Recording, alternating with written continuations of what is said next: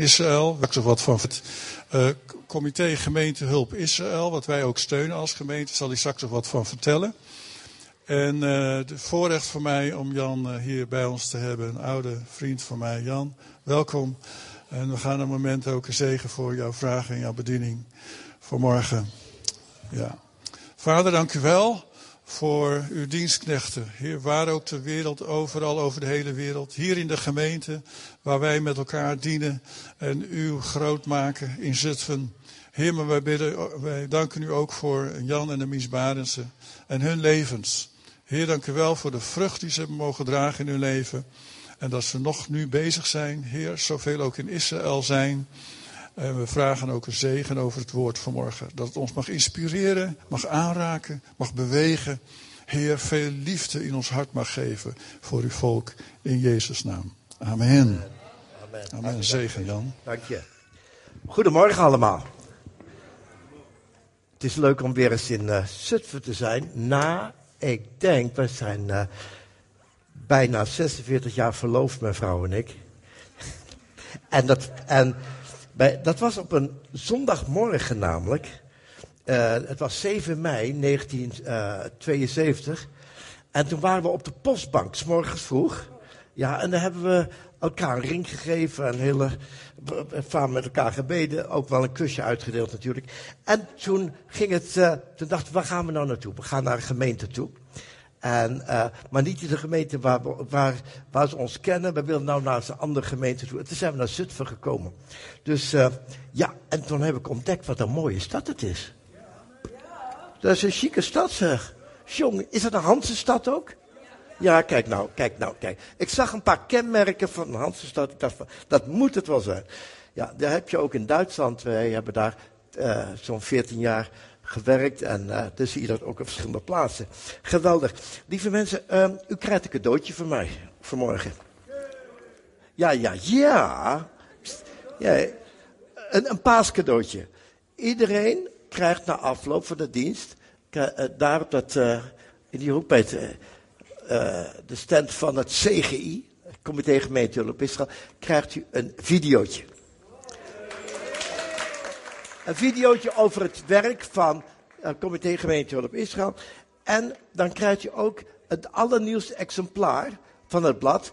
Uh, ik heb bij deze voorganger afgelopen de eerste advent, dat was de eerste zondag van december, hebben, hebben we daar gesproken in Nazareth.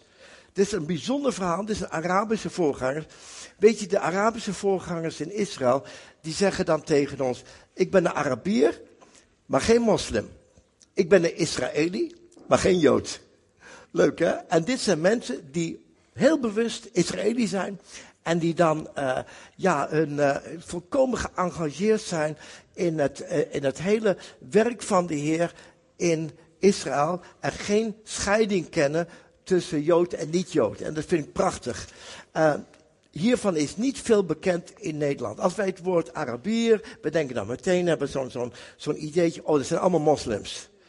Laten we niet vergeten dat er overal rondom Israël kerken worden vernietigd. En um, het gaat er niet zuinig aan toe. Ik kreeg, vorige week kreeg ik een, een, een extra alert van een werk in Duitsland van, van vervolgde christen die daar jarenlang bezig is. Ik zeg alsjeblieft, de Turken die daar binnen zijn gevallen in, in het Koerdische gedeelte, weet je wel, aan de grens van Turkije. Uh, ze houden zich niet alleen bezig met, met de Koerden. Uh, hele christelijke dorpen worden aangevallen. En dan uh, moeten mensen op hun knieën. En dan moeten ze uh, het Allah beleiden. En als ze dat niet doen.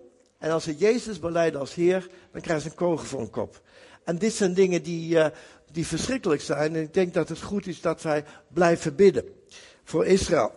Prijs de Heer. Vanmorgen uh, kijken we heel eventjes één minuutje naar een, uh, een, twee minuutjes naar een klein filmpje. Hartelijk dank voor de Beamer-dienst. Ik ben de vertegenwoordiger oh, hier staat hij. het CGI, Comité Gemeente Hulp Israël.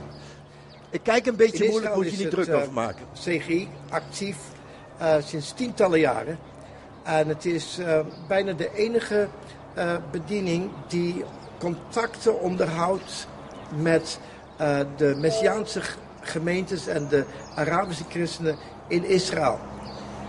Uh, ons doel is dat wij um, de gemeentes in uh, Israël dienen met gebed en voorbeden. Dat wij ook hen hun noden ondersteunen. Dat we, als wij in die gemeentes komen, dat we kijken wat is hier aan de hand, wat zijn hier de noden. Niet alleen financiële noden, maar ook de, de alledaagse noden. De druk die de mensen iedere keer weer ervaren als ze leven in een land dat in uh, oorlogsgevaar is, uh, 24 uh, uur per dag en elke week. En enorme dreigingen die hier zijn. En wij willen graag de voorgangers bemoedigen.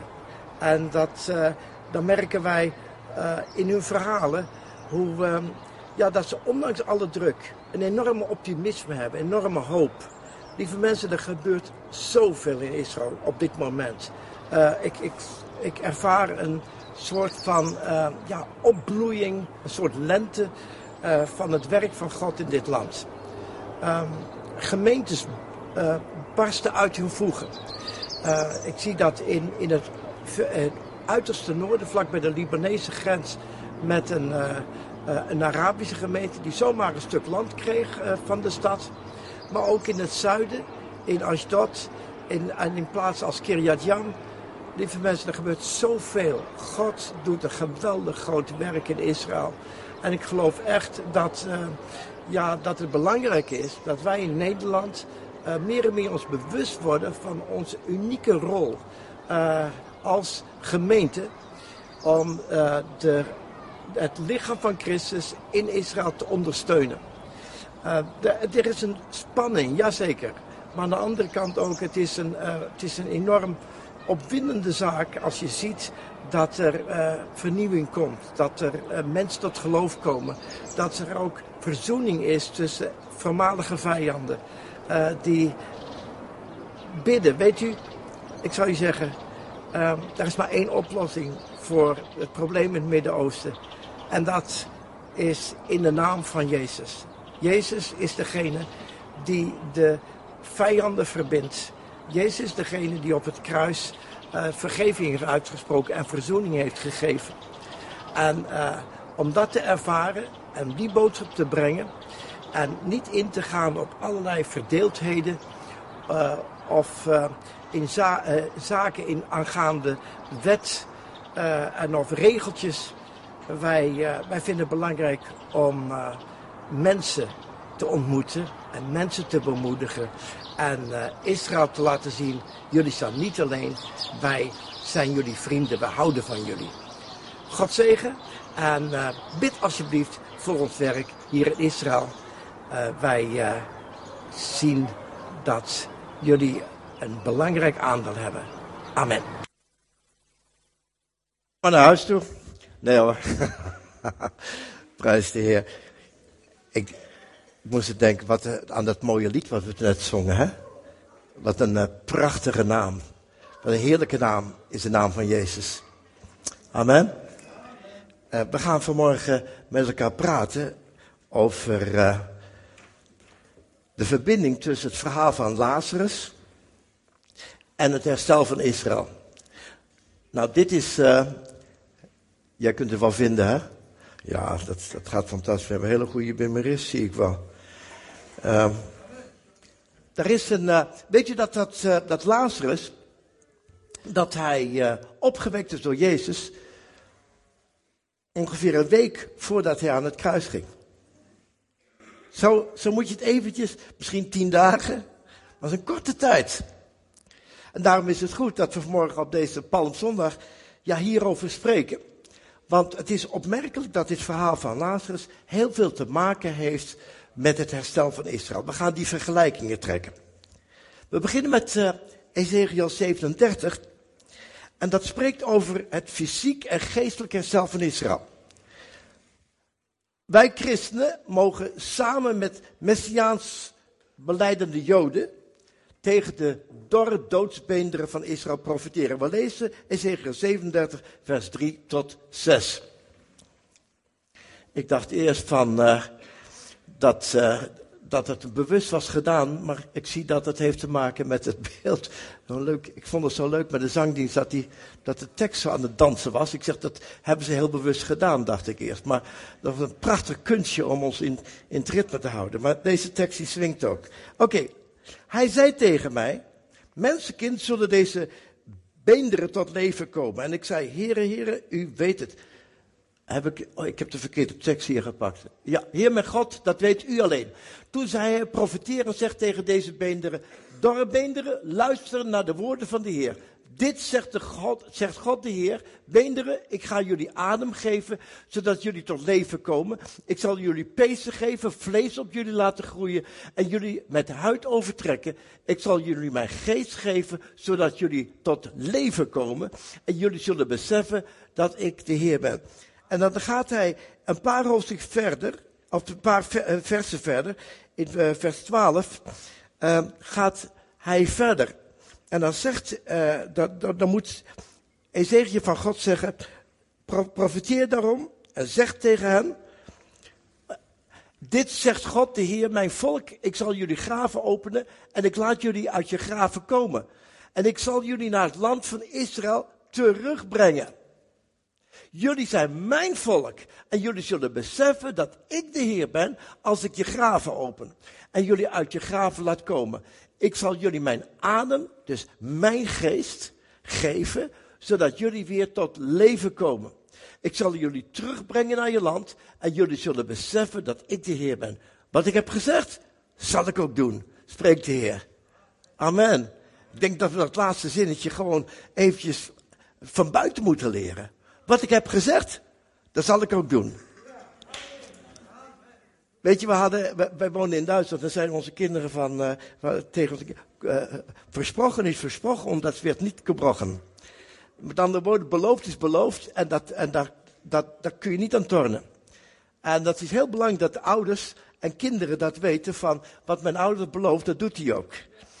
Maar wat God belooft, dat doet hij helemaal. Amen. Zelfs als je ouders wel eens een keertje daarnaast hebben gezeten. God, wat God belooft, dat doet hij ook. Weet je, lieve mensen, Israël is een land dat letterlijk uit de dood is opgestaan. Hè?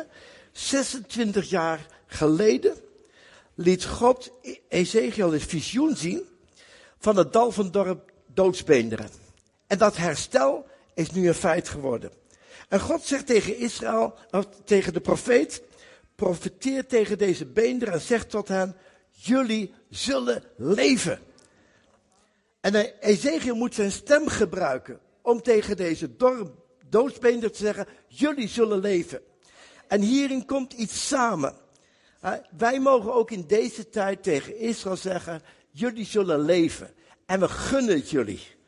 En, en wat, wat doe je dan nog meer als gelovige? Je gunt zo graag ook dat ze het allerliefste leren kennen wat wij maar kennen. En dat is de Heer Jezus. Dat is hun eigen Yeshua. Nou, het evangelie van Johannes, want we hadden het toch over Lazarus en het herstel van Israël. Het evangelie van Johannes beschrijft deze geweldige gebeurtenis van de opwekking van Lazarus. En dat typeert eigenlijk twee aspecten van het herstel van Israël. de wedergeboorte van Israël als, als land, als volk, in hun eigen land. En het gedeelde priesterschap van de Messiaanse gelovigen in dat land. En wij als leden van het lichaam van Christus. Dus Lazarus is het symbool van de herleving van Israël. Gaat u even met me kijken naar dat verhaal hier. We gaan er gewoon systematisch heen. Als u Bijbel heeft, kijkt u gewoon 1 Johannes 11 mee. Wat zien we in dit verhaal? U weet wel, die familie hè, van Lazarus. Lazarus samen met zijn twee zusters. In Betanië woonden ze daar. En Jezus was daar als hij in de buurt van Jeruzalem was. Betanië ligt op de Olijfberg. En uh, dat ligt, dat is, kun je gewoon lekker wandelen. Zo'n vier kilometer van de stad af. Uh, naar beneden lopen natuurlijk, gaat het snel. Oké. Goed. Wat is er gebeurd? Lazarus is dood. En de beste vriend van Lazarus, Jezus, is niet aanwezig. Dat staat hier in, uh, in 11 vers 17. Dat toen Jezus gekomen was, bleek dat Lazarus dus al dagen in het graf lag. En zo was Israël jaren, eeuwenlang dood en begraven. En niemand die er ooit aan dacht, ik heb eens ge, ge, ge, gekeken in de, in de literatuur ook, wat ze in Nederland voor 1940 daarover zeiden, over het herstel van Israël. En dat plaatste men dan heel ver in de toekomst. Dat is iets, nou, Johan de Heer die zei van, nou, dat, dat hoort direct, het klopt ook wel, maar, maar dat het zo snel zou gebeuren. Het, dat herstel van Israël in de ogen van Johannes de Heer, die man van het bundeltje, weet je wel, die, uh, die dacht dat het herstel van Israël nog heel lang zou duren. Dus hij lag al vier dagen in het graf, hulpeloos, hopeloos. Er was niks meer aan te doen. Als iemand in het graf ligt, jongens, dan is sorry, dan moeten we het overgeven. Hè? Dan wordt het tijd dat we gaan rouwen. Kijken naar dat tweede aspect. Die zuster van Lazarus, die had bitter verdriet, hè? Echt, hè? Want wat, wat staat daar in vers 31? Toen dan de Joden die met haar in het huis waren en haar troosten zagen dat Maria snel opstond en naar buiten ging, volgden zij haar en zeiden, zij gaat naar het graf om daar te huilen. Een andere vertaling zegt, om daar te weeklagen. Dat gaat in Israël en in het Midden-Oosten gaat dat luidkeels. Wat luidkeels, alles wat in je is, schreeuw je uit. Je wanhoop, je ellende uh, uh, en, en, en al die dingen die zo in je hart zitten. We kennen die, die zus hè, van Lazarus, hè, Maria. Ze had gewoon een Joodse naam, ze heet helemaal niet Maria, joh. ze heette gewoon Mirjam. En uh, dat komt van het woordje Mara, bitter. Nou, zij huilde bitter.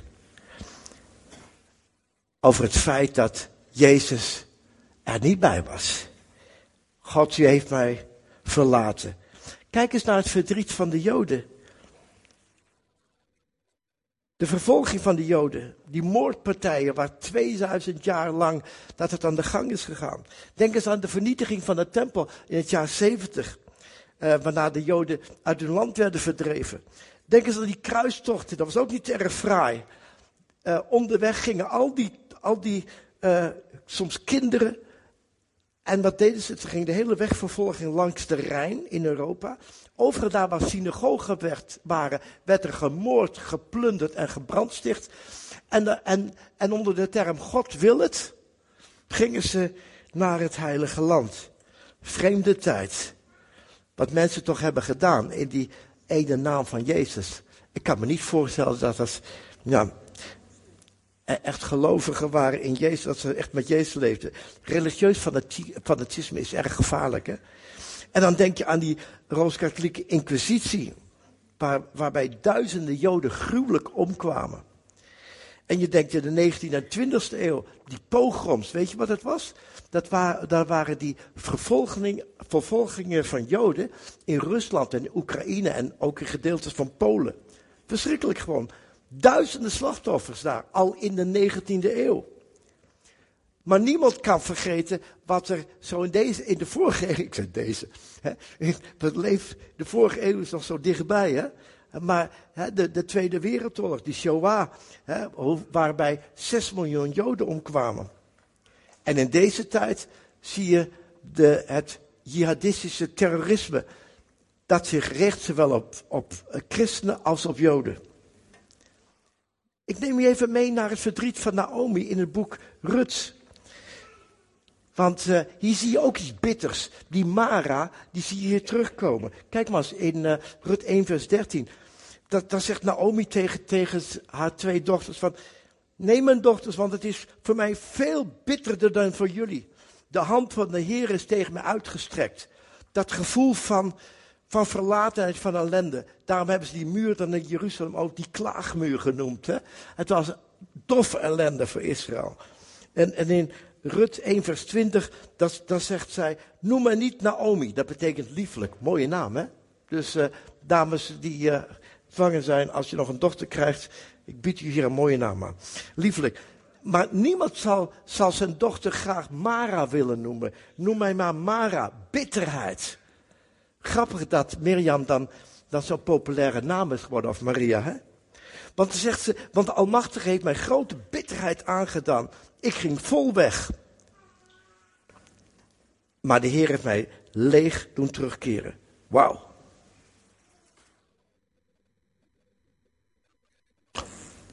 Kijk eens naar dat derde puntje. Hoe, hoe de familie van Lazarus zich in de steek voelde gelaten. En hoe Israël zich in de steek voelde gelaten. Martha zei tegen Jezus: Heer, als u hier was geweest, zou mijn broer niet gestorven zijn. Deze reactie loopt parallel aan Jesaja 49, vers 14, waar Israël uitroept, Sion zegt, de Heer heeft mij verlaten. De Heer heeft mij verlaten. Dat is wat Israël zegt. Eeuwenlang voelde Israël zich verweest, zou hun vader, hun God, hen in de steek hebben gelaten. En mensen hebben zich gevraagd in al die eeuwen, God, waar was u? Waar was u in die, al die vervolgingen? En natuurlijk die grote vraag, naar Auschwitz. God, waar was u tijdens Auschwitz? En veel mensen hebben het niet meer gewaagd om Joden meer te vertellen over Jezus, omdat ze zich zo schaamden voor de houding van christenen. Maar ik kan u één ding zeggen, en uh, alle Joodse voorgangers in Israël zeggen tegen ons, kom alsjeblieft en, en vertel over Jezus de Messias. Onthoud ons niet die geweldige naam, want die heeft ons redding gebracht. Als ik in Israël kom, dan ontmoet ik minstens vier voorgangers die in Nederland ooit tot bekering zijn gekomen. In de shelter in Amsterdam. Want de shelter was in de. In, in, kent u de beest wel, wel eens van de shelter gehoord? Shelter van de Heilders Volks, weet je wel. Uh, bestaat zo'n 120 jaar al. Maar, maar die shelter, die, uh, daar, daar kwamen Joodse hippies. En die hoorden dan van die christenen, die medewerkers, hoorden ze over Jezus. En zo kwamen ze tot de Heer, trouwden met een, met, uh, soms trouwden ze met een, met een, een christenvrouw, of het was een, een, bijvoorbeeld een Italiaan, die in Amsterdam tot de Heer kwam, en die trouwde met een Joodse vrouw, en werd voorganger in Israël.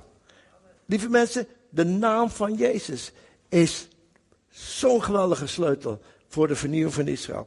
Eeuwenlang voelden ze zich verweest. Kijkt u naar puntje 4.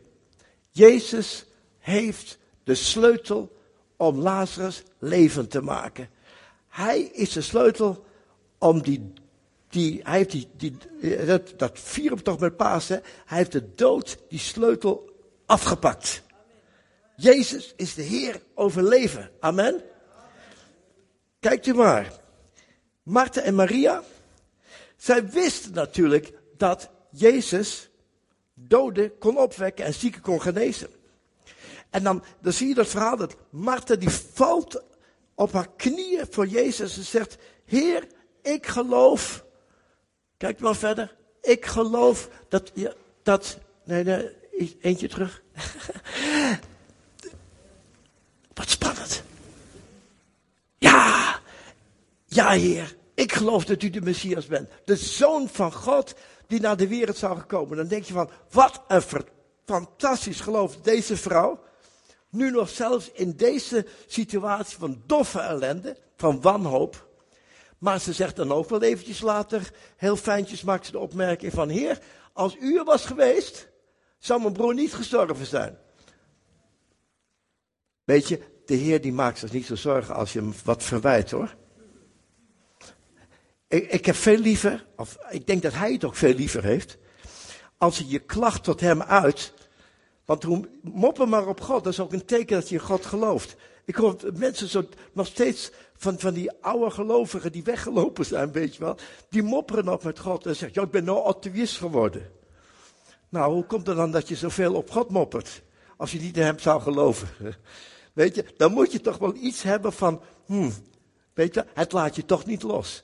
Zelfs beroemde Nederlandse schrijvers, die zeggen iedere keer nog wel van, uh, ja, uh, uh, ze waren dan gereformeerd, weet je wel. En ja, als ik dan in, in, in Maasluis kom in het orgel, dan, dan ga ik even kruipen achter het orgel. Dan wil ik nog eventjes zo'n zo'n zo'n oude psalm zingen. Weet je, blijf in discussie met God. Ook in tijden van moeilijkheden. uit je ellende maar, zeg het er maar helemaal. Ja, Heer, als u niet geweest was. Maar in Jesaja 22, vers 22 wordt iets over Jezus gezegd. Ik zal de sleutel van het huis van David op zijn schouder leggen. Als hij open doet, zal niemand sluiten. En als hij sluit, zal niemand open doen. Dat is de kracht van Jezus. Dat is het geweldige wonder wat hij doet. Weet je, ik ben tot bekeer gekomen toen, toen ik, te, ik kan het nooit nalaten als ik Peter zie. Maar, daar, stond in die tent, hadden ze, hadden ze zo'n themaliedje. En, dat, en, en velen van jullie kennen het, kennen waarschijnlijk niet, maar dat heette, er zijn geen grenzen aan Jezus macht. En, ja, prijs Heer, er zijn nog een aantal hier, halleluja. Maar als je maar die realiteit weet, dat de macht van Jezus grenzeloos is en dat Hij de sleutel is. De sleutel is geloven in Hem. Die heeft gezegd, ik ben de opstanding en het leven. En wie in mij gelooft, zal niet sterven. Zal, sorry, zal leven ook al wanneer hij sterft. Dat zegt de nieuwe vertaling, de MBV. Jezus geeft leven, amen. Hij heeft die sleutel in de handen. Denk daaraan. Hoe geweldig dat is. Dat, dat je Jezus nu mag kennen. Dat we eeuwigheidsmensen zijn. Dat wij mensen zijn met een toekomst. En, en, en zelfs als je ook in je familie dat soort dingen hebt meegemaakt. Van dood en, en afscheid moeten nemen. Jezus is de sleutel, lieve mensen. We gaan kijken naar hoe Jezus meeleeft met ons. Jezus huilde. Ik vind het zo geweldig dat mijn Heer dat ook kon doen. Hij, hij kon huilen. Soms hebben wij zo'n idee van een soort bijna een steriele Jezus. Weet je wel, ik, ik ben katholiek opgevoed en dan hadden we zo van die beelden, weet je wel. En, en dan zie je Jezus totaal natuurlijk onbewogen, maar, maar met een, ja, ook geen glimlach, maar hij wijst dan op zijn hart. Maar inderdaad, dat is een goede bedoeling, omdat dat Jezus op zijn hart wijst. Maar het gaat erom, Jezus had gevoel. Hij kon huilen. En hij inspireert mij om ook mee te huilen met mensen die in nood zijn, die het, die die het rot hebben. Uh, even later, als, als, als deze Lazarus is opgewekt, weet je, dan gaat Jezus naar beneden naar de stad toe. Misschien is het een paar dagen later. En toen, dan ziet hij die stad. En dan, dan, dan staat er, toen het dichter bij de stad was, weende hij over, hij over haar. Hij begon te huilen over Jeruzalem. Ik zou je zo graag mee willen nemen op die wandeling van Betanië naar Jeruzalem. En er komt een punt en dan sta je daar zo bij zo'n balustrade en heb je het gevoel dat je bijna dat tempelplein aan kunt raken. Zo dichtbij is dat. Het is het mooiste punt en er staat een heel klein kerkje dat heet daar waar Jezus huilde. En, en dat is zo'n zo bewogen, zo'n mooie plek. En soms zie je daar af en toe nog een, een afgesneden palmtak daar staan van Palmzondag, waar mensen daarmee gezwaaid hebben, weet je wel. En omdat mensen dat telkens weer opnieuw willen beleven. Maar Jezus heeft gehuild om zijn land, om zijn volk. En ik denk dat hij dat nog steeds doet. En dan komt hij in die stad en dan, dan, dan zegt hij, mijn huis zou een huis van gebed zijn, maar u hebt er een rovershol van gemaakt. Wat moet het niet de Heer hebben gedaan als, als, als uh, die eenheid uh, en, en die aanbidding weg is? En dat mensen zich alleen maar bezighouden met commercie en met, met, met allerlei dingen die niks met God hebben te maken. Lieve mensen, de gemeente van Jezus is zijn tempel, nu. Als ik in Jeruzalem kom, zie ik geen tempel. En ik vraag me echt ook af of die tempel ooit al wordt opgebouwd. Uh, ook al wordt er natuurlijk gesproken in Ezekiel, maar in ieder geval is, is dat, je weet niet precies hoe alles bedoeld is. Ik weet ook niet alles. Maar ik zeg je één ding, wij zijn nu Gods tempel. Dat weet ik zeker. Zo worden we nu genoemd. Wij zijn het huis van gebed nu. En als Jezus hier vanmorgen naar, naar, naar, naar beneden zou komen en hier zou wandelen, wat ziet hij dan? Ziet hij dan een huis van geëngageerde mensen die helemaal vol van hem zijn en hem gaan aanbidden? Weet je, maar ook wij mogen in deze tijd actief voorbeden doen voor het herstel van Israël. Wij zijn een volk van priesters, weet je dat? Dus de priesters zijn dat niet, niet uh, vrij vertaald. De oudste en, en de voorgangers. Dat zijn wij allemaal. En wij mogen voorbeden doen, staat er in, in, in Joel zo heel mooi, uh, van, uh, dat, dat tussen die voorhof, voorhof en het altaar mogen we huilen en voorbeden doen voor mensen die verloren zijn. En, en natuurlijk zeer zeker pleiten voor de redding van Israël. En Jezus zegt op een gegeven moment, want we vergelijken die opstanding van Lazarus met herstel van Israël. Kijk eens naar 6. Oh, dat vind ik zo mooi. Haal de steen weg. Amen. Haal de steen weg. Jezus liet de steen verwijderen die het graf afsloot. je ziet dat Lazarus nog steeds in zijn graf is. Lieve mensen, op onderweg naar het herstel van Israël, het geestelijke herstel, liggen nog hele grote stenen in de weg. Drie keer per dag wordt er een gebed gebeden door alle vrome Joden, waarin duidelijk wordt gezegd, en er wordt bijna een soort vloek uitgesproken, dat weten niet veel mensen, in dat stilstaande gebed, het gebed van de 18, in dat twaalfde vers, van vloek uitgesproken over degene die, die uh, van hun geloof zijn afgevallen, de Joden die van de geloof zijn afgevallen en die de, en die de Messias zijn gevolgen. in hun ogen dan een valse Messias, Jezus. En begrijpt u dat, hoe moeilijk het is voor een Jood om tot Jezus te komen? Ten eerste heb je die blindheid, maar dan ook nog die, die, die dwang eigenlijk en die angst van, ik ga nu iets verkeerds doen als ik die stap zet. Wie weet. Daarom moet eerst dit weg worden genomen. die, die geestelijke blindheid. Daarvoor moeten we ook bidden. Die stenen moeten weg. En een van die grote struikelblokken zijn bijvoorbeeld het antisemitisme. En dat komt iedere keer weer opnieuw op, opduikelen. In Amsterdam worden, uh, hebben Joden het niet makkelijk. De meeste Joden uh, woonden vrij veel Joden in de buurt waar ik woonde, uh, woonden enorm veel Joden. En de mensen durven momenteel, als ze in andere delen van de stad komen, niet meer hun keppeltje op te zetten.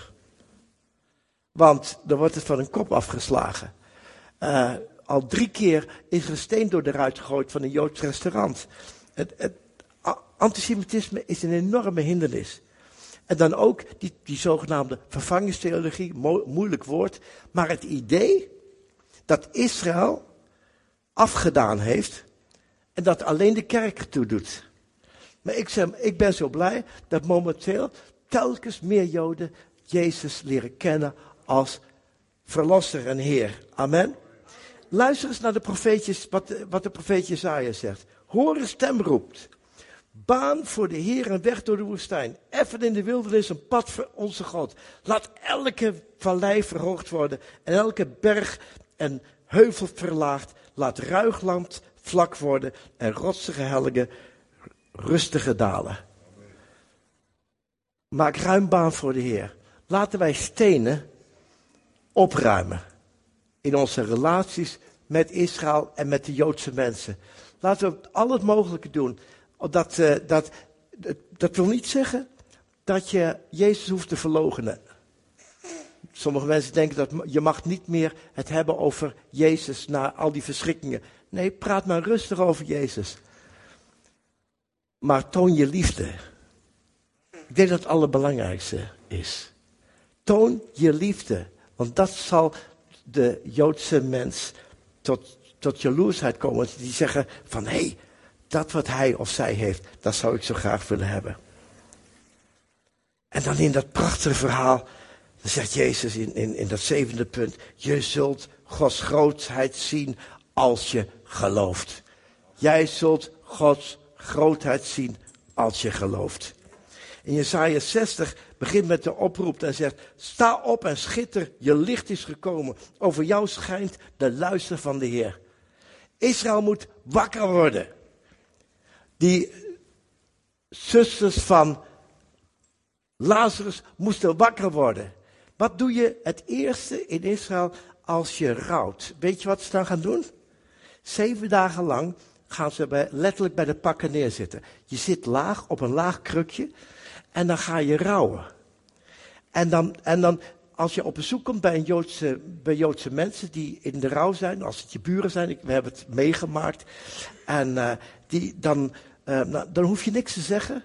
Je hoeft alleen maar iets te zeggen als het woord tot je gericht wordt. Dat is lekker makkelijk, wij willen altijd wat zeggen, weet je wel.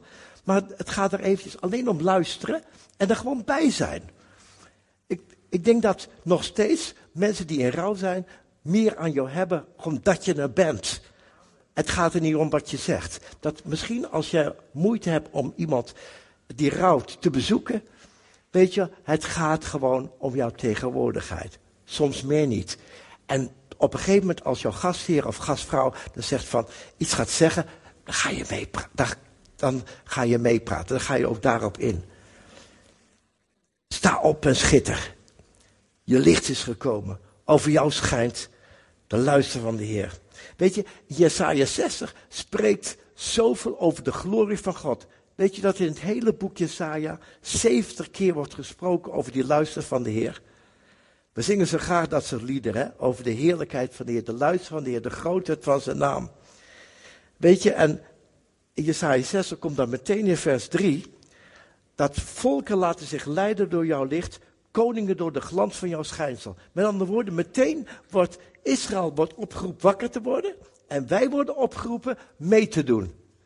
Prachtig hè? Israël moet wakker worden en jullie, gemeente uit de volkeren, huppakee, doe mee. Laat jullie licht ook schijnen. Want laat die, laat die glans van Gods heerlijkheid ook door je heen schijnen naar Israël toe. Kijk eens naar uh, het achtste puntje.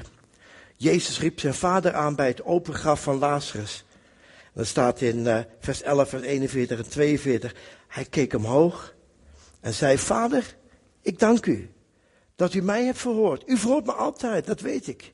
Maar ik zeg dit ter wille van al die mensen hier, opdat ze zullen geloven dat u mij heeft gezonden. En daarna riep hij, Lazarus, kom naar buiten. Weet je prachtig, hoe Jezus, onze hoge priester, hier voorbeden doet. Hij staat in rechtstreekse verbinding met de Vader. Dat mag jij trouwens ook zijn door de naam van Jezus. Jij mag ook voorbeden doen. En, en dan, dan weet hij wat hij moet doen. En dan komt hij in actie en dan gaat zijn woord levend maken. Weet je, Ezekiel heeft het al geprofiteerd, hè? Dat het volk van Israël tot leven moest komen. Daar zijn we mee begonnen vanmorgen. En zo moeten wij ook samen met de Joodse gelovigen in Israël samen onze plaatsen innemen en voorbeden doen, zoals Jezus dat deed ten opzichte van de Vader, en, en dat, zodat zijn beste vriend uh, tot leven zou komen. Eigenlijk zou Israël onze vriend moeten zijn. En zo moeten we pleiten bij de Vader voor het herstel van Israël. Negende. Lazarus komt naar buiten. Jezus riep de dode Lazarus tot leven. Weet je, dat is wat het woord van God doet. Het woord van God brengt een dode tot leven. Dat er misschien dood is ook in jouw leven. Misschien zijn er bepaalde hoop en bepaalde ideeën zijn, zijn dood gegaan. Je had zoveel hoop, je had zoveel vertrouwen. God had jou een woord gegeven. Weet je, soms moet een droom sterven. Soms moet een droom sterven. En zodat de Heer Jezus het op zijn tijd weer tot leven kan brengen. Lazarus was het levende bewijs dat Jezus Messias was. Weet je, van dat moment aan is het volk van Israël niet meer te houden. Van dat moment aan beginnen ze te roepen om de Messias. Als Jezus dan een paar dagen later naar, naar Jeruzalem toe komt, dan, dan dan begint het te bruisen. Dan gaat het volk de weg bereiden voor de Messias. En wat was de reactie van de Joodse leiders, van de religieuze leiders? Niet alleen zou Lazarus gedood moeten worden, maar ook Jezus. Want dit gaat te ver. Onze positie komt in gevaar. Het verhaal komt tot, tot het einde met die woorden van maak hem los en laat hem gaan. Je ziet die Lazarus naar buiten komen, hè? als een kokon, helemaal omwikkeld. zit hij vast, hè, goed, goed in zijn doodsgewaad. Ik heb dat in Israël gezien. Ik heb een Joodse begrafenis gezien. Daar gaat hij met een kist. Dan ben je echt, je zit letterlijk in een lijkzak. En, uh, en, en dan, ja, kom er maar eens even uit. Dan heb je echt letterlijk ook hulp nodig van een ander. Als, als je tot leven zou komen. Maak hem los en laat hem gaan. Wat heeft het dan te doen met het herstel van Israël? Nou, het is een proces in twee stappen. Volgens Ezekiel 37 ging het om dat fysiek herrijzen van Israël. Israël moest levend worden, weer een volk worden. Het moest weer gaan tot een echt duidelijk lichaam worden, duidelijk zichtbaar in de wereld. Maar de tweede stap was dat er geest moet komen. Adem. dat woordje ruach. Amen. Ruach moest er komen. En ruach kun je vertalen met adem, wind, maar zeker ook met geest. Weet je, als je nu naar Israël kijkt, dan zie je een prachtig land. Uh, het leeft samen als volk. Het heeft een gekozen uh, uh, regering. het heeft een stabiele economie. Een lege radio. nou ja, radio, televisie, radio is eenvoudig. Maar ieder volk heeft dat. Maar ze hebben zoveel uitvindingen op het gebied van de technologie. Enorm.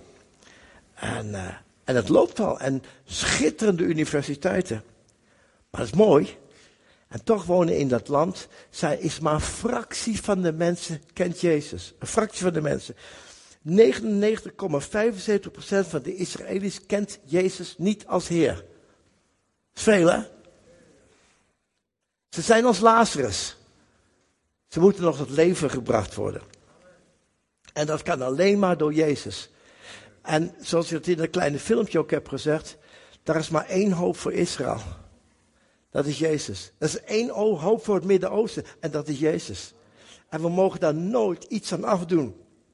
Jezus heeft gezegd uh, dat, dat, of tenminste het woord van God zegt, dat dezelfde geest die Jezus uit de doden liet opstaan, leeft in ons. Diezelfde geest. En diezelfde geest zal Israël ook tot leven brengen. Jezus zegt dus, maak hem los en, en laat hem gaan. Dat is onze taak. Wij hebben een taak om Israël te helpen los te komen en in zijn vrijheid te gaan staan. Het verhaal eindigt met vele Joden die naar Maria waren gekomen en gezien hadden wat Jezus deed, kwamen tot geloof in Hem. De opwekking van Lazarus was de reden dat zoveel tot geloof kwamen. Ik geloof dat uh, dat, dat dit echt een kern is ook voor ons. Als Zutphen gaat zien dat hier echt levende mensen zijn, levende gelovigen. Ja, moet je kijken wat er gaat gebeuren. Weet je, als, als mensen echt tot vernieuwing komen. En Gods geest werkt zo in ons dat we van onze plaatsen opstaan en echt bruisende gelovigen zijn. Weet je, dan gaat er iets gebeuren. Weet je, de dodenopwekking is het grootste bewijs dat Jezus Messias is. Zo'n tien dagen later staat Jezus zelf op uit de dood. Lazarus moest opgewekt worden en Lazarus is ook eens weer gestorven. Want hij, werd, hij kreeg geen nieuw lichaam. Hij had hetzelfde lichaam. Jezus is opgestaan en hij leeft nog steeds. Amen. Hij leeft nog steeds. Hij is hier vanmorgen. En hij wil spreken tot jou. En, en, en alles wat dood is in je leven tot leven wekken. Amen. Want dit is het geweldige wat er gebeurt na die opstanding. Dan komt dat hele volk in beweging. En dan gaat roepen, Baruch haba Adonai. Gezegend is hij die komt in de naam van de Heer. En dat is de, het zinnetje, dus het sleutelzinnetje van dit is de Messias. Hij die komt in de naam van de Heer. Dit is de Messias. Tot slot. Het is Palmzondag, lieve mensen. Want dat werd er gesproken, hè? Die week daarna, na die opstanding. Hoe kun jij nou schouder aan schouder met Israël staan? Nou, een paar korte tips. Doe voorbeden regelmatig voor de Messiaanse gemeentes in Israël. Ze hebben het niet makkelijk. Ook moeilijk soms met gebouwen. Ze proberen nieuwe gebouwen te krijgen, want ze barsten uit hun voegen. En dat is niet makkelijk. Want als de eigenaar een, een vrome Jood is, ja, dan, dan krijg je moeilijkheden. Je kunt ook zomaar in één keer op straat worden gezet. Uh, ik zou ook zeggen, bid voor goede samenwerking tussen Israëlische gelovigen, zowel Arabische als Joodse. Dat is een groot getuigenis voor Israël. Een enorm getuigenis als Arabische christenen en Joods-Messiaanse gelovigen samen bidden. Regelmatig komen voorgangers samen, komen vrouwen samen, er komen jeugd samen. Ik was op een geweldig groot jeugdfestival, ja, als oude knakker. Uh, maar ik vond het zo leuk, joh. Aan, dat, dat heette Walking on Water. Wandelen op het water. was aan de, aan de kuststrook van het meer van Genesaret. En er waren, ja, honderden jongelui. 350 is heel veel, hè, voor dat land, hè. 350 jongelui, tieners, tot, uh, ja, zo 3, 24 jaar. Arabisch en Joods. Zaten samen de Heer te prijs. In het Arabisch en in het Israëlisch. De liederen die zij zongen worden steeds meer Midden-Oostelijk. Dus een beetje weg van Hillsong en meer van. Weet je wel, een beetje. Nou, ik weet niet, ik kan het niet precies uitdrukken. Maar ze gaan hun eigen liederen maken, hun eigen stijl ontwikkelen. Eh, ze, spelen, ze hebben in de, in de band Arabische uh, uh, instrumenten erbij. Fantastisch hoe ze in eenheid dat die, die, die een eenheid samen oefenen als het ware in die aanbidding. Ten derde, informeer je door uh, het gemeente uh, gemeentenieuws Israël. Je krijgt er straks krijg je videootje en, en, en speel er daarna. En ik zou zeggen, als je Israël eens bezoekt, dan uh, doe eens een keertje ook een bezoek afleggen in op het weekend, op zaterdag, op de Shabbat, als de Israëlische mensen samenkomen. Bezoek een Messiaanse gemeente. Wij hebben samen een gedeeld priesterschap van gelovigen. En dat raakt het hart van God. Dat zorgt voor opwekking, dat zorgt voor vernieuwing. En God brengt ons samen in een strategisch partnerschap om onder zijn leiding schouder aan schouder te staan met Israël. Zullen we samen de Heer danken. Want God wil een geestelijk herstel geven. Vader in de hemel, ik, ik dank u voor, uh, ja, voor een nieuw ontwaken van Israël. Ik dank u, Vader, dat wij, uh, dat wij zo door u zijn wakker gemaakt. Dat, uh, dat u ons heeft wakker geschud, heren. En heren, die opdracht heeft gegeven om uw getuige te zijn. In Jeruzalem, Judea, Samaria, tot het einde van de wereld. Heere God, dank wel dat we zo verbonden mogen zijn met de gelovigen in het Midden-Oosten. Bijzonder ook in Israël, Vader. En dank u, Heer, dat uw liefde vijanden verbindt. Heer, dat we elkaar leren verstaan. En ik dank u, Heer, dat u ons ambassadeur maakt, Heer, van, ja, van uzelf, gezonden, Heer, om uh, getuige te zijn van u. Ik dank u, Heer, daarvoor in Jezus' naam. Amen.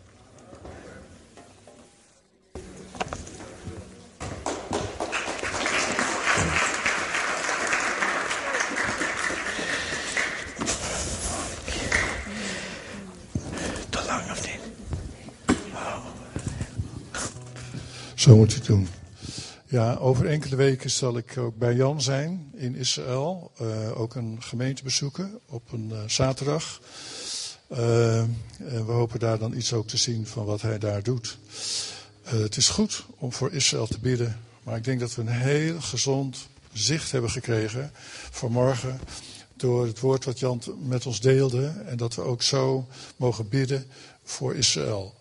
We delen het priesterschap met Israël samen. Geweldig hè, amen. Dankjewel Jan. Uh, straks zal er, nadat ik uh, de dienst geëindigd heb, gaan we nog een lied zingen. Dan mogen we ook uh, daarna, daarna, na het lied, gaan we de stoelen bij elkaar zetten. Maar er zal ook voorbeden zijn, want Jan heeft wel iets aangesproken, denk ik. Er zijn mensen die zitten met ja, gebroken verwachtingen die niet zijn uitgekomen. Met iets wat dood is gegaan in hun leven. Iets waar uh, lijkt geen toekomst meer in te zitten. Uh, God kent het. En de enige die een antwoord heeft daarop, dat is Jezus. Amen. En er zal voorbeden zijn bij het kruis. Kom dan ook rustig daar naartoe. Kom en deel wat er in je hart leeft. Laat Jezus spreken, het leven spreken in jouw leven. Amen. Vader, dank u wel als we zo de dienst beëindigen. Heer, dan willen wij onder uw zegen straks eerst naar de koffie gaan, maar dan ook naar huis. Heer, we willen blijven bidden in ons hart, bezig blijven met uw volk. Heer, wij willen die jaloersheid wekken in hun hart voor Jezus de Messias. Heer, gebruik ons daarvoor. Dank u wel voor de boodschap van vanmorgen. We bidden voor de vrede van Jeruzalem, Heer. We bidden voor een machtige beweging van uw geest daar in het Midden-Oosten. Heer, het druist in tegen alles wat de wereld op dit moment verwacht. Heer, maar wij weten dat u Heer en Koning bent. Heer, en dat u zult wederkomen. En u, gaat, en u komt weer daar op die plek, op de Olijfberg. Daar zal u uw voet neerzetten. Heer, we zien er naar uit. Dank u dat we voor Israël mogen bidden, mogen steunen ook. En met gebed, maar ook als gemeente, Heer. Ook uh, het werk van CGI, wat ze daar doen, om mensen te bemoedigen. Ga met ons straks naar huis. En dank u dat we u nog mogen groot maken met het volgende lied. In Jezus' naam. Amen.